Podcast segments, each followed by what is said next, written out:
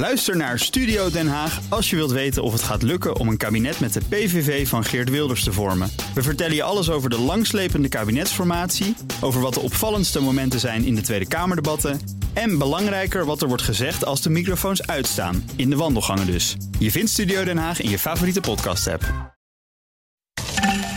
De huizenmarkt zou er niet zo slecht voor staan als we eindelijk eens zouden beslissen om in het groen rond de steden te bouwen. Moet dit taboe er nou eindelijk aan geloven?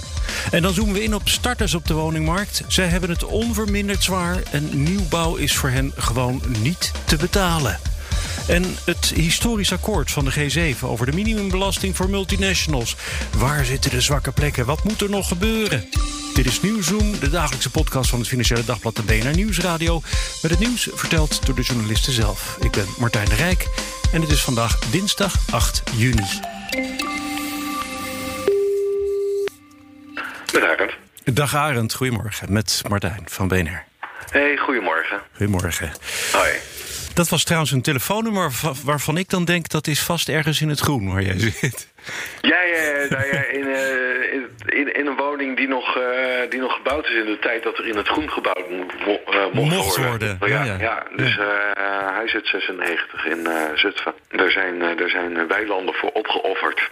Ha, Ja, ja. zoals, dat, zoals dat tegenwoordig als het ware niet meer, Niet meer mag. niet meer mag, hè? Ja. Ja. nou, ik kan je wel vertellen, de mensen die hier eh, naast mij wonen en hier al 25 jaar wonen, die, eh, die genieten er erg van dat er eh, destijds in het weiland gebouwd mocht worden. Ja, die, die wonen er nog steeds met veel plezier. Arend Klaassen, collega van het Financiële Dagblad. Als jij bij mij trouwens af en toe een, het geluid van een boormachine hoort... dan is dat het verherbouwen van de redactie... eh, wat hier ondertussen ook nog plaatsvindt.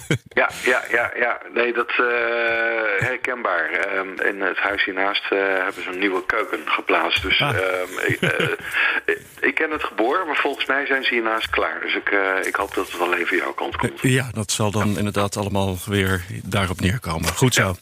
hey, laten we gaan kijken naar... met bouwen in het weiland is de wooncrisis zo op te lossen. Zo kopte het eh, Financiële Dagblad eh, vanochtend. Dat was een stuk van jou. Ja, klopt. Dus die ko- kop zal jou niet verbazen. Ehm, ja, we zeiden het al eventjes. Hè. Het is heel lang echt wel behoorlijk taboe al dat we in het groen bouwen. Ja, ja. Nee, dat, eh, eh, nee, dat klopt inderdaad. Ik bedoel eigenlijk van de afgelopen twintig jaar. eh, we hebben natuurlijk eh, de Finex gehad in de jaren negentig. En daarna is toch beleid veel meer geweest. eh, eh, dat, dat, eh, nou ja, dat, dat dat niet meer gewenst is. En dat er, eh, als er gebouwd eh, gaat worden, dat het toch in de eerste plaats hoofdzakelijk in de stad moet gebeuren. Omdat daar ook nog plekken zijn. Ja, en dan gaat het om eh, oude industrieterreintjes. En eh, nou, bijvoorbeeld eh, de Bijlmer eh Baaiers hier in Amsterdam, die Ja. afgebroken is. En, en, en dat wordt een enorme stadswijk. Maar Ja. dan heb je wel even eerst wat af te breken, zou ik maar zeggen. Nou ja, het is inderdaad eerst afbreken. En ehm, eh, bedrijven uitkopen bijvoorbeeld. Eh, bezwaarprocedures afwachten, want niet iedereen zit erop te wachten als er opeens zo'n eh, zo'n toren komt te, staat, eh, komt te staan. Bijvoorbeeld bedrijven die ernaast gevestigd zijn, eh, maar ook omwonenden vinden dat soms een probleem. Dus het, het zijn meestal, soms moet de bodem gesaneerd worden bij oude bedrijfsterreinen. Ehm, dus het zijn vaak langjarige procedures. En het, duurt, het duurt nog, nu, nogal even voordat het echt tot ontwikkeling komt. Ehm, en nou, het EIB, het Economisch Instituut voor de Bouw, eh, eh, die, eh, dat zegt dus dat eh, nou ja, dat dat allemaal te traag en te weinig uiteindelijk is als je echt eh, dat woningtekort op wilt lossen. En Ja, want eventjes eh, voor de duidelijkheid. eh, De politiek eh, wil dat er een miljoen woningen eh, wordt bijgebouwd in de komende tien jaar. Dat willen we eigenlijk allemaal trouwens. Hè? Ja, Eh, want ja, eh, de, de schaarste is, eh, is enorm. En de EIB, het EIB zegt nu, ga die stad uit. Ja, nou ze zeggen eigenlijk van, ehm, nou ja, als je, als je dat niet doet, dan, eh, dan ga je dat, eh, die 1 miljoen woningen niet halen. En nee, dat kan ook een keus zijn. Maar zij voorzien niet dat het lukt om die 1 miljoen te halen als je niet ook in het groen bouwt. Omdat je dan ook volgens hun wat tempo kan versnellen. Als je voor de goede locaties kiest waar, waar al redelijke infra ligt. En, en je dus wijken zou kunnen bouwen. Ja, nou vind ik het mooie van, van het verhaal van het EIB ook wel dat ze ook echt op zoek zijn gegaan hè, naar groene plekken. Uh, tenminste, ja, het is allemaal een beetje het weiland in, hè, meer. Het is niet uh, zo dat ze nu uh, de, de, de Veluwe en de duinen of zo gaan volbouwen. Nee, nee. Nee, ze hebben zeg maar geselecteerd van nou ja, waar is Natura 2000 gebied? Nou ja, daar, daar, daar, dus, dus niet. Ja. Um, en dan dus gewoon weilanden. Er zitten ook wel uh, dingen tussen waar, waar andere mensen misschien weer van gruwen hoor. Want ze noemen ook een strook bij Amsterdam-Noord. Nou, waar vermoedelijk nu mensen fietsen, wandelen, recreëren. Ik ken hem, want ik ga natuurlijk wel eens over de Atinia, die strook. Die, die zie je dan aan, als je aan de linkerkant, nee, aan je rechterhand. Ja. Want als je de andere kant uitrijdt, dan moet je over de, dat gaat niet lukken. Ja. ja. Nee, maar precies. Dus uh, ja, uh, niet iedereen zal, zal dat zien zitten. Maar goed, ze hebben 18 gebieden aangewezen. Mm -hmm. Zwolle, ten oosten van Apeldoorn, nog bij Amersfoort en Nijkerk, bij Utrecht. Mm -hmm. Rotterdam-Zuid. Ja, niet te, niet te vergeten, want dat zijn er meteen 83.500 ja. die woningen die ze daar denken te kunnen, te kunnen bouwen. Ja, ja, ja, en dan, dan, eh, dan, je hebt het dan natuurlijk niet over uh, Rotterdam, maar uh, Sjaarloos of zo. Maar ze bedoelen echt ten zuiden van Rotterdam. Uh, bij de plaatsen die daar liggen en daar, daar dan omheen. kijk heel even op de kaart hoor. Ja, dat is dan in de hoek van... Pff, nou, Spijkenissen, Oud-Beijerland en Puttershoek en zo, zeg maar. Ehm, ja. Ja. Ik zie dat, uh, uh, dat is best wel een, nou, een heel erg bescheiden getal. Anderhalf procent van de bouwgrond, uh, de, de, de landbouwgrond zou nodig zijn om al deze woningen kwijt te kunnen. Ja, anderhalf procent, dat is, nou ook weer niet de wereld, zou ik maar zeggen. Hè? Nee, nee, dat, dat klinkt niet als heel veel. Maar wat ze hebben gedaan, in ieder geval in, uh, in die studie... Ehm, ze hebben dan een heel gebied geselecteerd en dan uh, bebouwen ze daar dan een uh, beperkt deel van. Ehm, uh, en het idee is om die wijken dan ruim op te zetten. Dus dat het ook behoorlijk groen blijft, waardoor het dan redelijk binnen het landschap past. Dus, maar ja, het anderhalf procent klinkt niet als heel veel.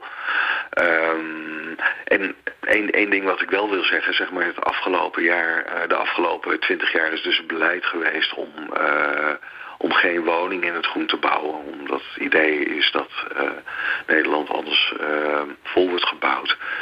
Um, het is dus niet zo dat die ruimte die daarmee vrijgehouden is, uh, niet is gebruikt in de afgelopen jaren. Want als je kijkt in die afgelopen twintig jaar bijvoorbeeld in Zuid-Holland, nou ja, misschien is er dan minder aan woningen bijgebouwd, maar je ziet dus overal distributiecentra en weet ik wat verrijzen. Dus het is niet als je als je het niet oormerkt van woningbouw, dat het uh, gewoon mooi goed blijft. Want in de regel uh, gebeurt dat ook niet bepaald.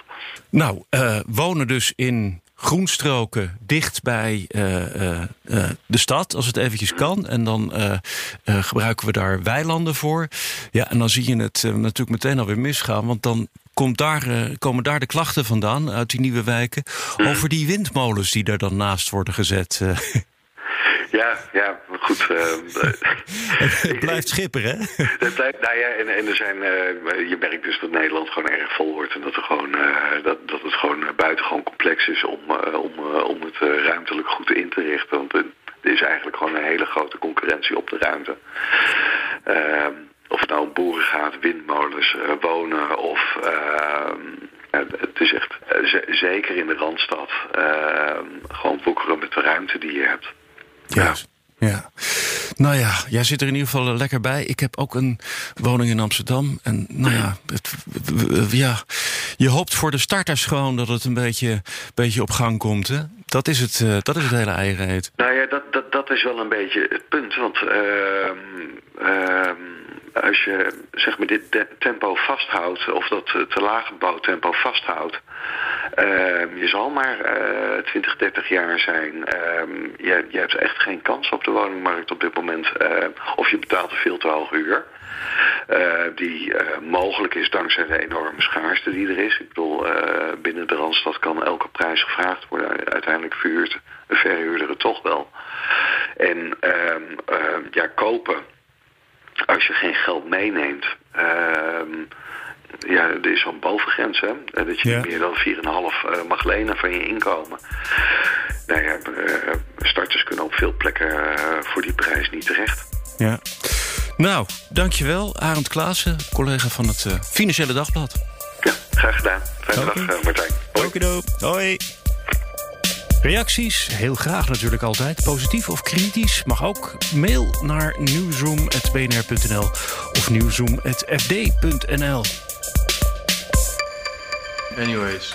Anyways. Een volle ochtend met alleen maar huizenmarktnieuws. Dus ik zal het niet alleen maar bij ons eigen nieuws houden. Ja, nou sterker nog, uh, Diederik de Groot. Want ik heb uh, vanochtend ook gesproken met uh, onze collega van het, van het Financiële Dagblad, Arend Klaassen. Die een stuk geschreven had over nou ja, het verhaal van de EIB. Ja. Dus wij gaan gewoon nog eventjes door over de huizenmarkt. Daar komt het een beetje ja, op Over de ellende. Over de ellende op de huizenmarkt. Ja, ja eigenlijk wel. Althans, uh, we gaan het dan hebben over de starters. En hoe ja. vakantie dan maken op de huizenmarkt. En dat kan ik toch niet anders omschrijven dan uh, onder het noemer ellende. Ja. Ik heb er zelf ook mee te maken. Ja, um, ja ik zag een getal er, uh, 48 vierkante meter. Dat is uh, uh, iets waar ik dan op uitkwam. Ik zoek zelf dan, nou ja, ik hou het er niet alleen bij Leiden, maar ik probeer in mijn huidige woonplaats Leiden, Leiden te blijven wonen. Dus had ik me vol verwachting ingeschreven bij een, nieuwbouwproject.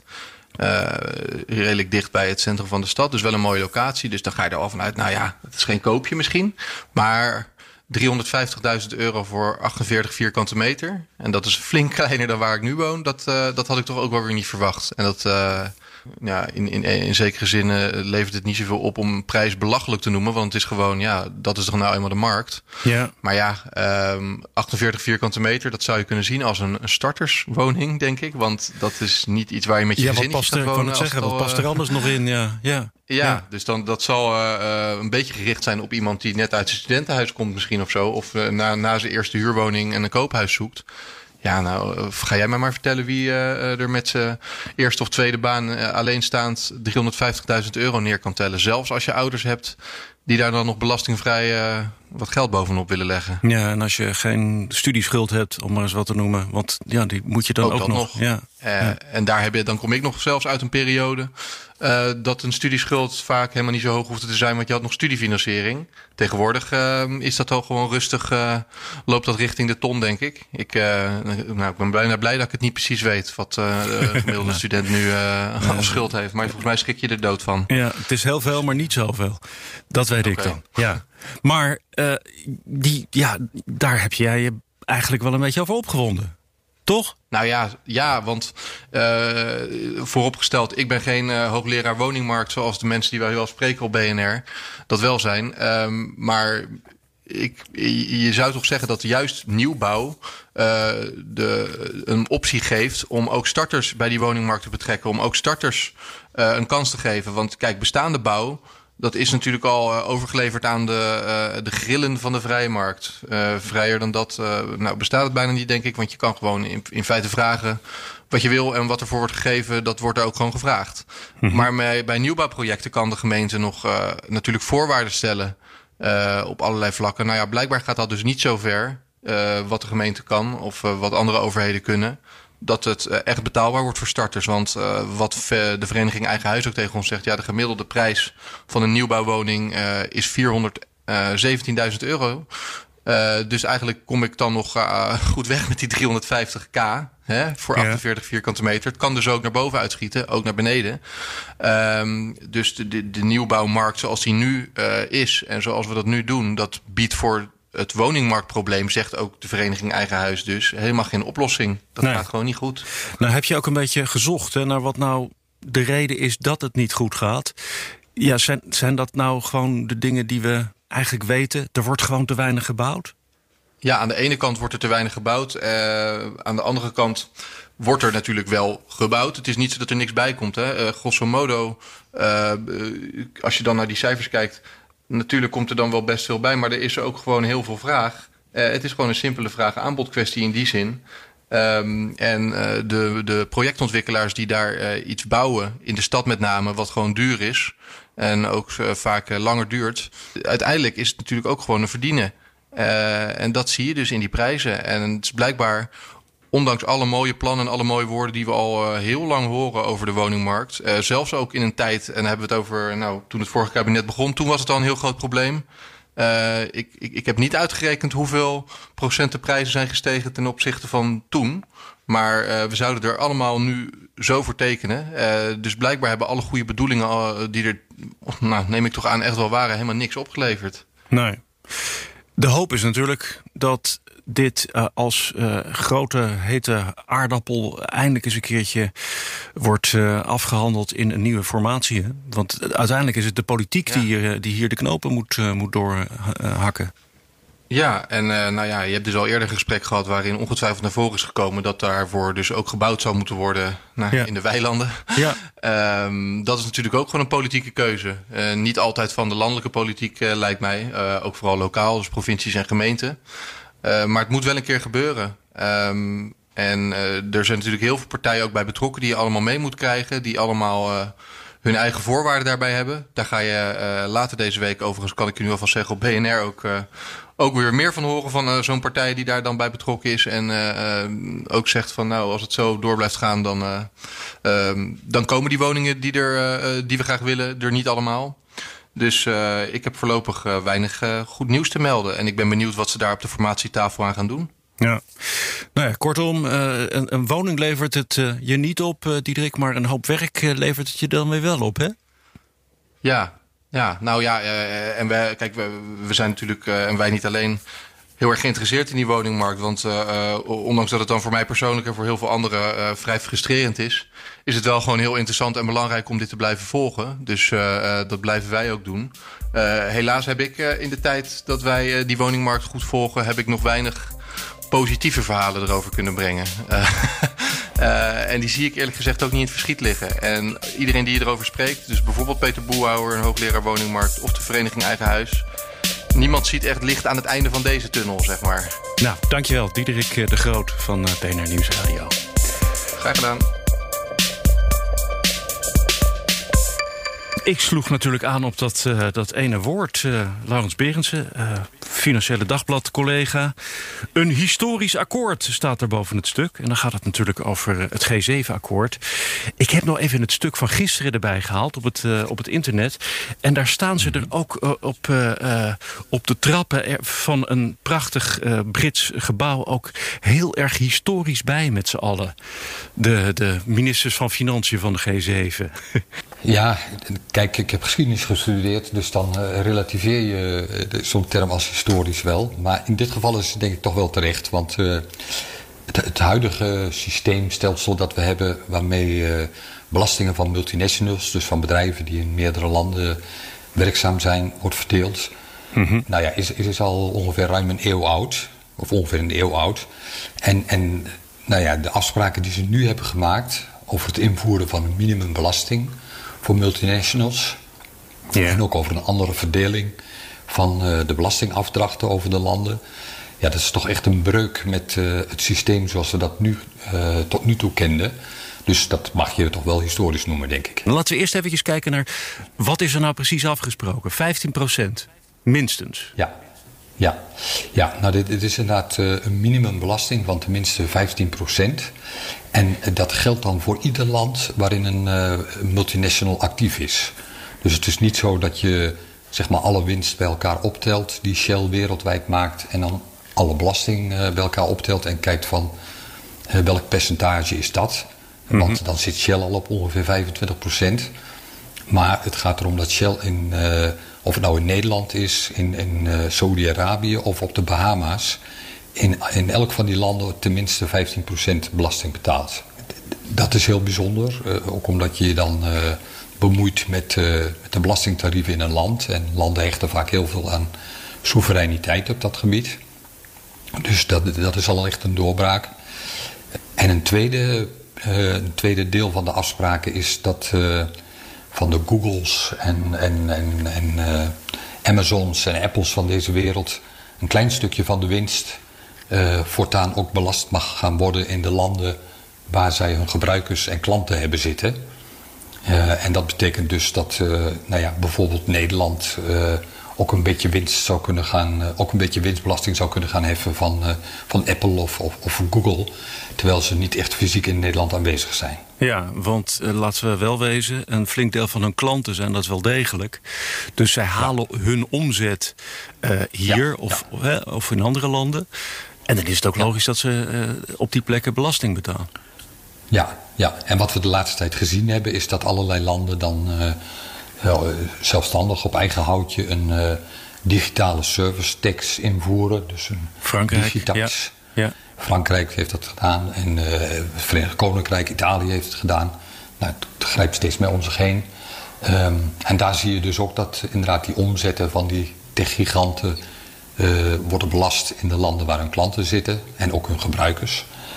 Um, en nou ja, dat zou dan hiermee uh, verleden tijd moeten zijn als er een uh, wereldwijd akkoord is over hoe je een deel van de winst kunt toewijzen aan dat soort landen. Een van die dingen die uh, genoemd werden als heel positief is dat het goed is voor ontwikkelingslanden. Hè? Dat, ja, dat, ja. dat dit op deze manier gaat, gaat werken.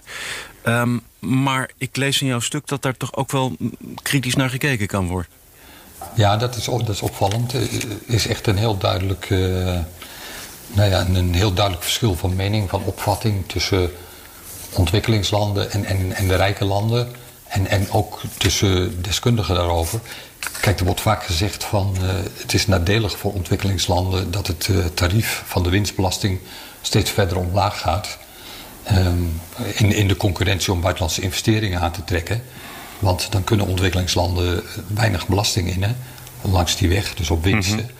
Maar goed, er is een andere school, een andere stroming, die zegt ja, die ontwikkelingslanden hebben internationale bedrijven in feite toch weinig te bieden. Als je denkt aan infrastructuur, aan goed opgeleide mensen en dat soort dingen. Dus als die ontwikkelingslanden buitenlandse investeringen willen aantrekken, dan zullen ze toch iets met hun belastingen moeten doen. Bijvoorbeeld uh, een tijdelijke, en dan hebben we het over bijvoorbeeld vijf of tien jaar vrijstelling van winstbelasting moeten geven. Ja. Nou ja, als die minimumbelasting er komt, dan, uh, dan vervalt die mogelijkheid. Dus er zijn zeker ook ontwikkelingslanden die zich, uh, die zich erg verzetten tegen zo'n minimumbelasting. Dus dan zijn ze daar niet echt mee geholpen als ze dat. Uh... Nee, dan zijn ze daar niet ja. mee geholpen. Ja. Bovendien is het zo, kijk, ook dat gedeelte over die, die, die belasting, noem het maar even van de techgiganten, dat dan belast mag worden in de, in de landen waar de klanten en gebruikers zitten. Dat zijn natuurlijk allemaal vrij ingewikkelde systemen en afspraken. En nou ja, dit, dat, dat is ook voor ontwikkelingslanden moeilijk te behappen. Want we zien zelf bij onze Belastingdienst al dat die problemen heeft om. Ja, ik wou het zeggen, bij ons, goed bij ons is het al ingewikkeld. Laat staan in. Ja, bij ons ja. is het al ingewikkeld. Maar ja. ja, goed, kijk, in Afrikaanse landen zijn die, zijn die belastingdiensten natuurlijk nog, uh, nog een stuk minder uh, goed uitgerust. Ander punt van kritiek. Uh, Amazon, ja, het is maar een beetje de vraag of Amazon werkelijk ja, opeens ja. meer belasting gaat betalen dan ze nu doen. Ja, nou ja, daar, daar heb je al een van die zeg maar details waar de duivel in kan schuilen. in de uitwerking van dit akkoord. Er is, er is afgesproken dat, we hadden het over die, die die winst die dan belast mag worden in, in zeg maar de afzetmarkten, dus de, de landen met gebruikers en klanten. Nou ja, daarvan is afgesproken dat de eerste 10% winst die je maakt op je omzet, daar gebeurt niks mee. En, en van alle winst daarboven mag dan 20% worden belast in, in de afzetlanden. Uh, Amazon is voor een belangrijk deel een retailer. En de winstmarges van retailers, als je die marge neemt ten opzichte van de omzet, ja, die zit bijna altijd beneden 10%. Ja. Dus, dus er is geen winst boven die, uh, boven die 10%. Dus zou er in Europa ook niks te belasten zijn uh, in het geval van Amazon. Alsof uh, Amazon heeft mee mogen denken, hè? Doe het nou zo. Ja, dat, nou ja, goed. Nee, maar, ja, nee, maar dat is een technisch probleem. En, en het is natuurlijk wel wrang. Want je ziet dat Amazon komt naar Europa. En drukt ook lokale uh, retailers, lokale winkeliers uit de markt. Dat was nou juist een van die jongens waarvan je echt zeker wist van die wil je belasting laten betalen. Ja, zeker, zeker, zeker. Sowieso gaat het uh, nog wel eventjes duren voordat dit allemaal echt uh, ja. Ja. wordt ingevoerd. vier jaar? Ja, het gaat zeker nog vier jaar duren. Het gaat zeker, de technische uitwerking dat gaat zeker nog vier jaar duren. En dan kunnen er ook nog een hoop van die problemen opgelost worden wellicht? Of? Ja, er kunnen een hoop van die problemen... dat is de optimistische kant van de medaille zou ik zeggen. Okay. Want de, de, de, pessimistische kant van de medaille is dat er ook nog een hoop problemen kunnen, kunnen opduiken... tijdens de technische uitwerking van een, van een soort van basisakkoord. Ja. Oké, nou we gaan het uh, zeker in de gaten houden. Uh, Laurens Berendsen, want jij hebt daar voorlopig nog wel eventjes uh, stof tot schrijven voor, stel ik me zo voor. Ja, zeker. Dus. Ja, zeker. Ja, nee, voor de journalistiek en, en, en, niet alleen voor de journalistiek. Kijk, ik denk ook, het is ook... we lezen heel veel verhalen over multinationals die belasting ontduiken, verontwaardiging daarover. belastingontwijking is ook, ontduiking moet ik niet zeggen, ik moet zeggen ontwijking. Want het is wel legaal. Ja. Maar goed, dat is natuurlijk ook slecht voor de belastingmoraal van, uh, van, van, van, van, van, iedereen. Uh, ja, als jij en ik belasting moeten betalen, dan vinden we ook dat zulke grote bedrijven belasting moeten betalen. Dus het is maatschappelijk toch ook heel belangrijk uh, dat dit probleem goed wordt opgelost. Dankjewel, Laurens Perens van het ja. Financiële Dagblad. Zeg ik er dan ook eventjes helemaal bij. Dat was Nieuwsroom voor vandaag. Heel graag tot morgen.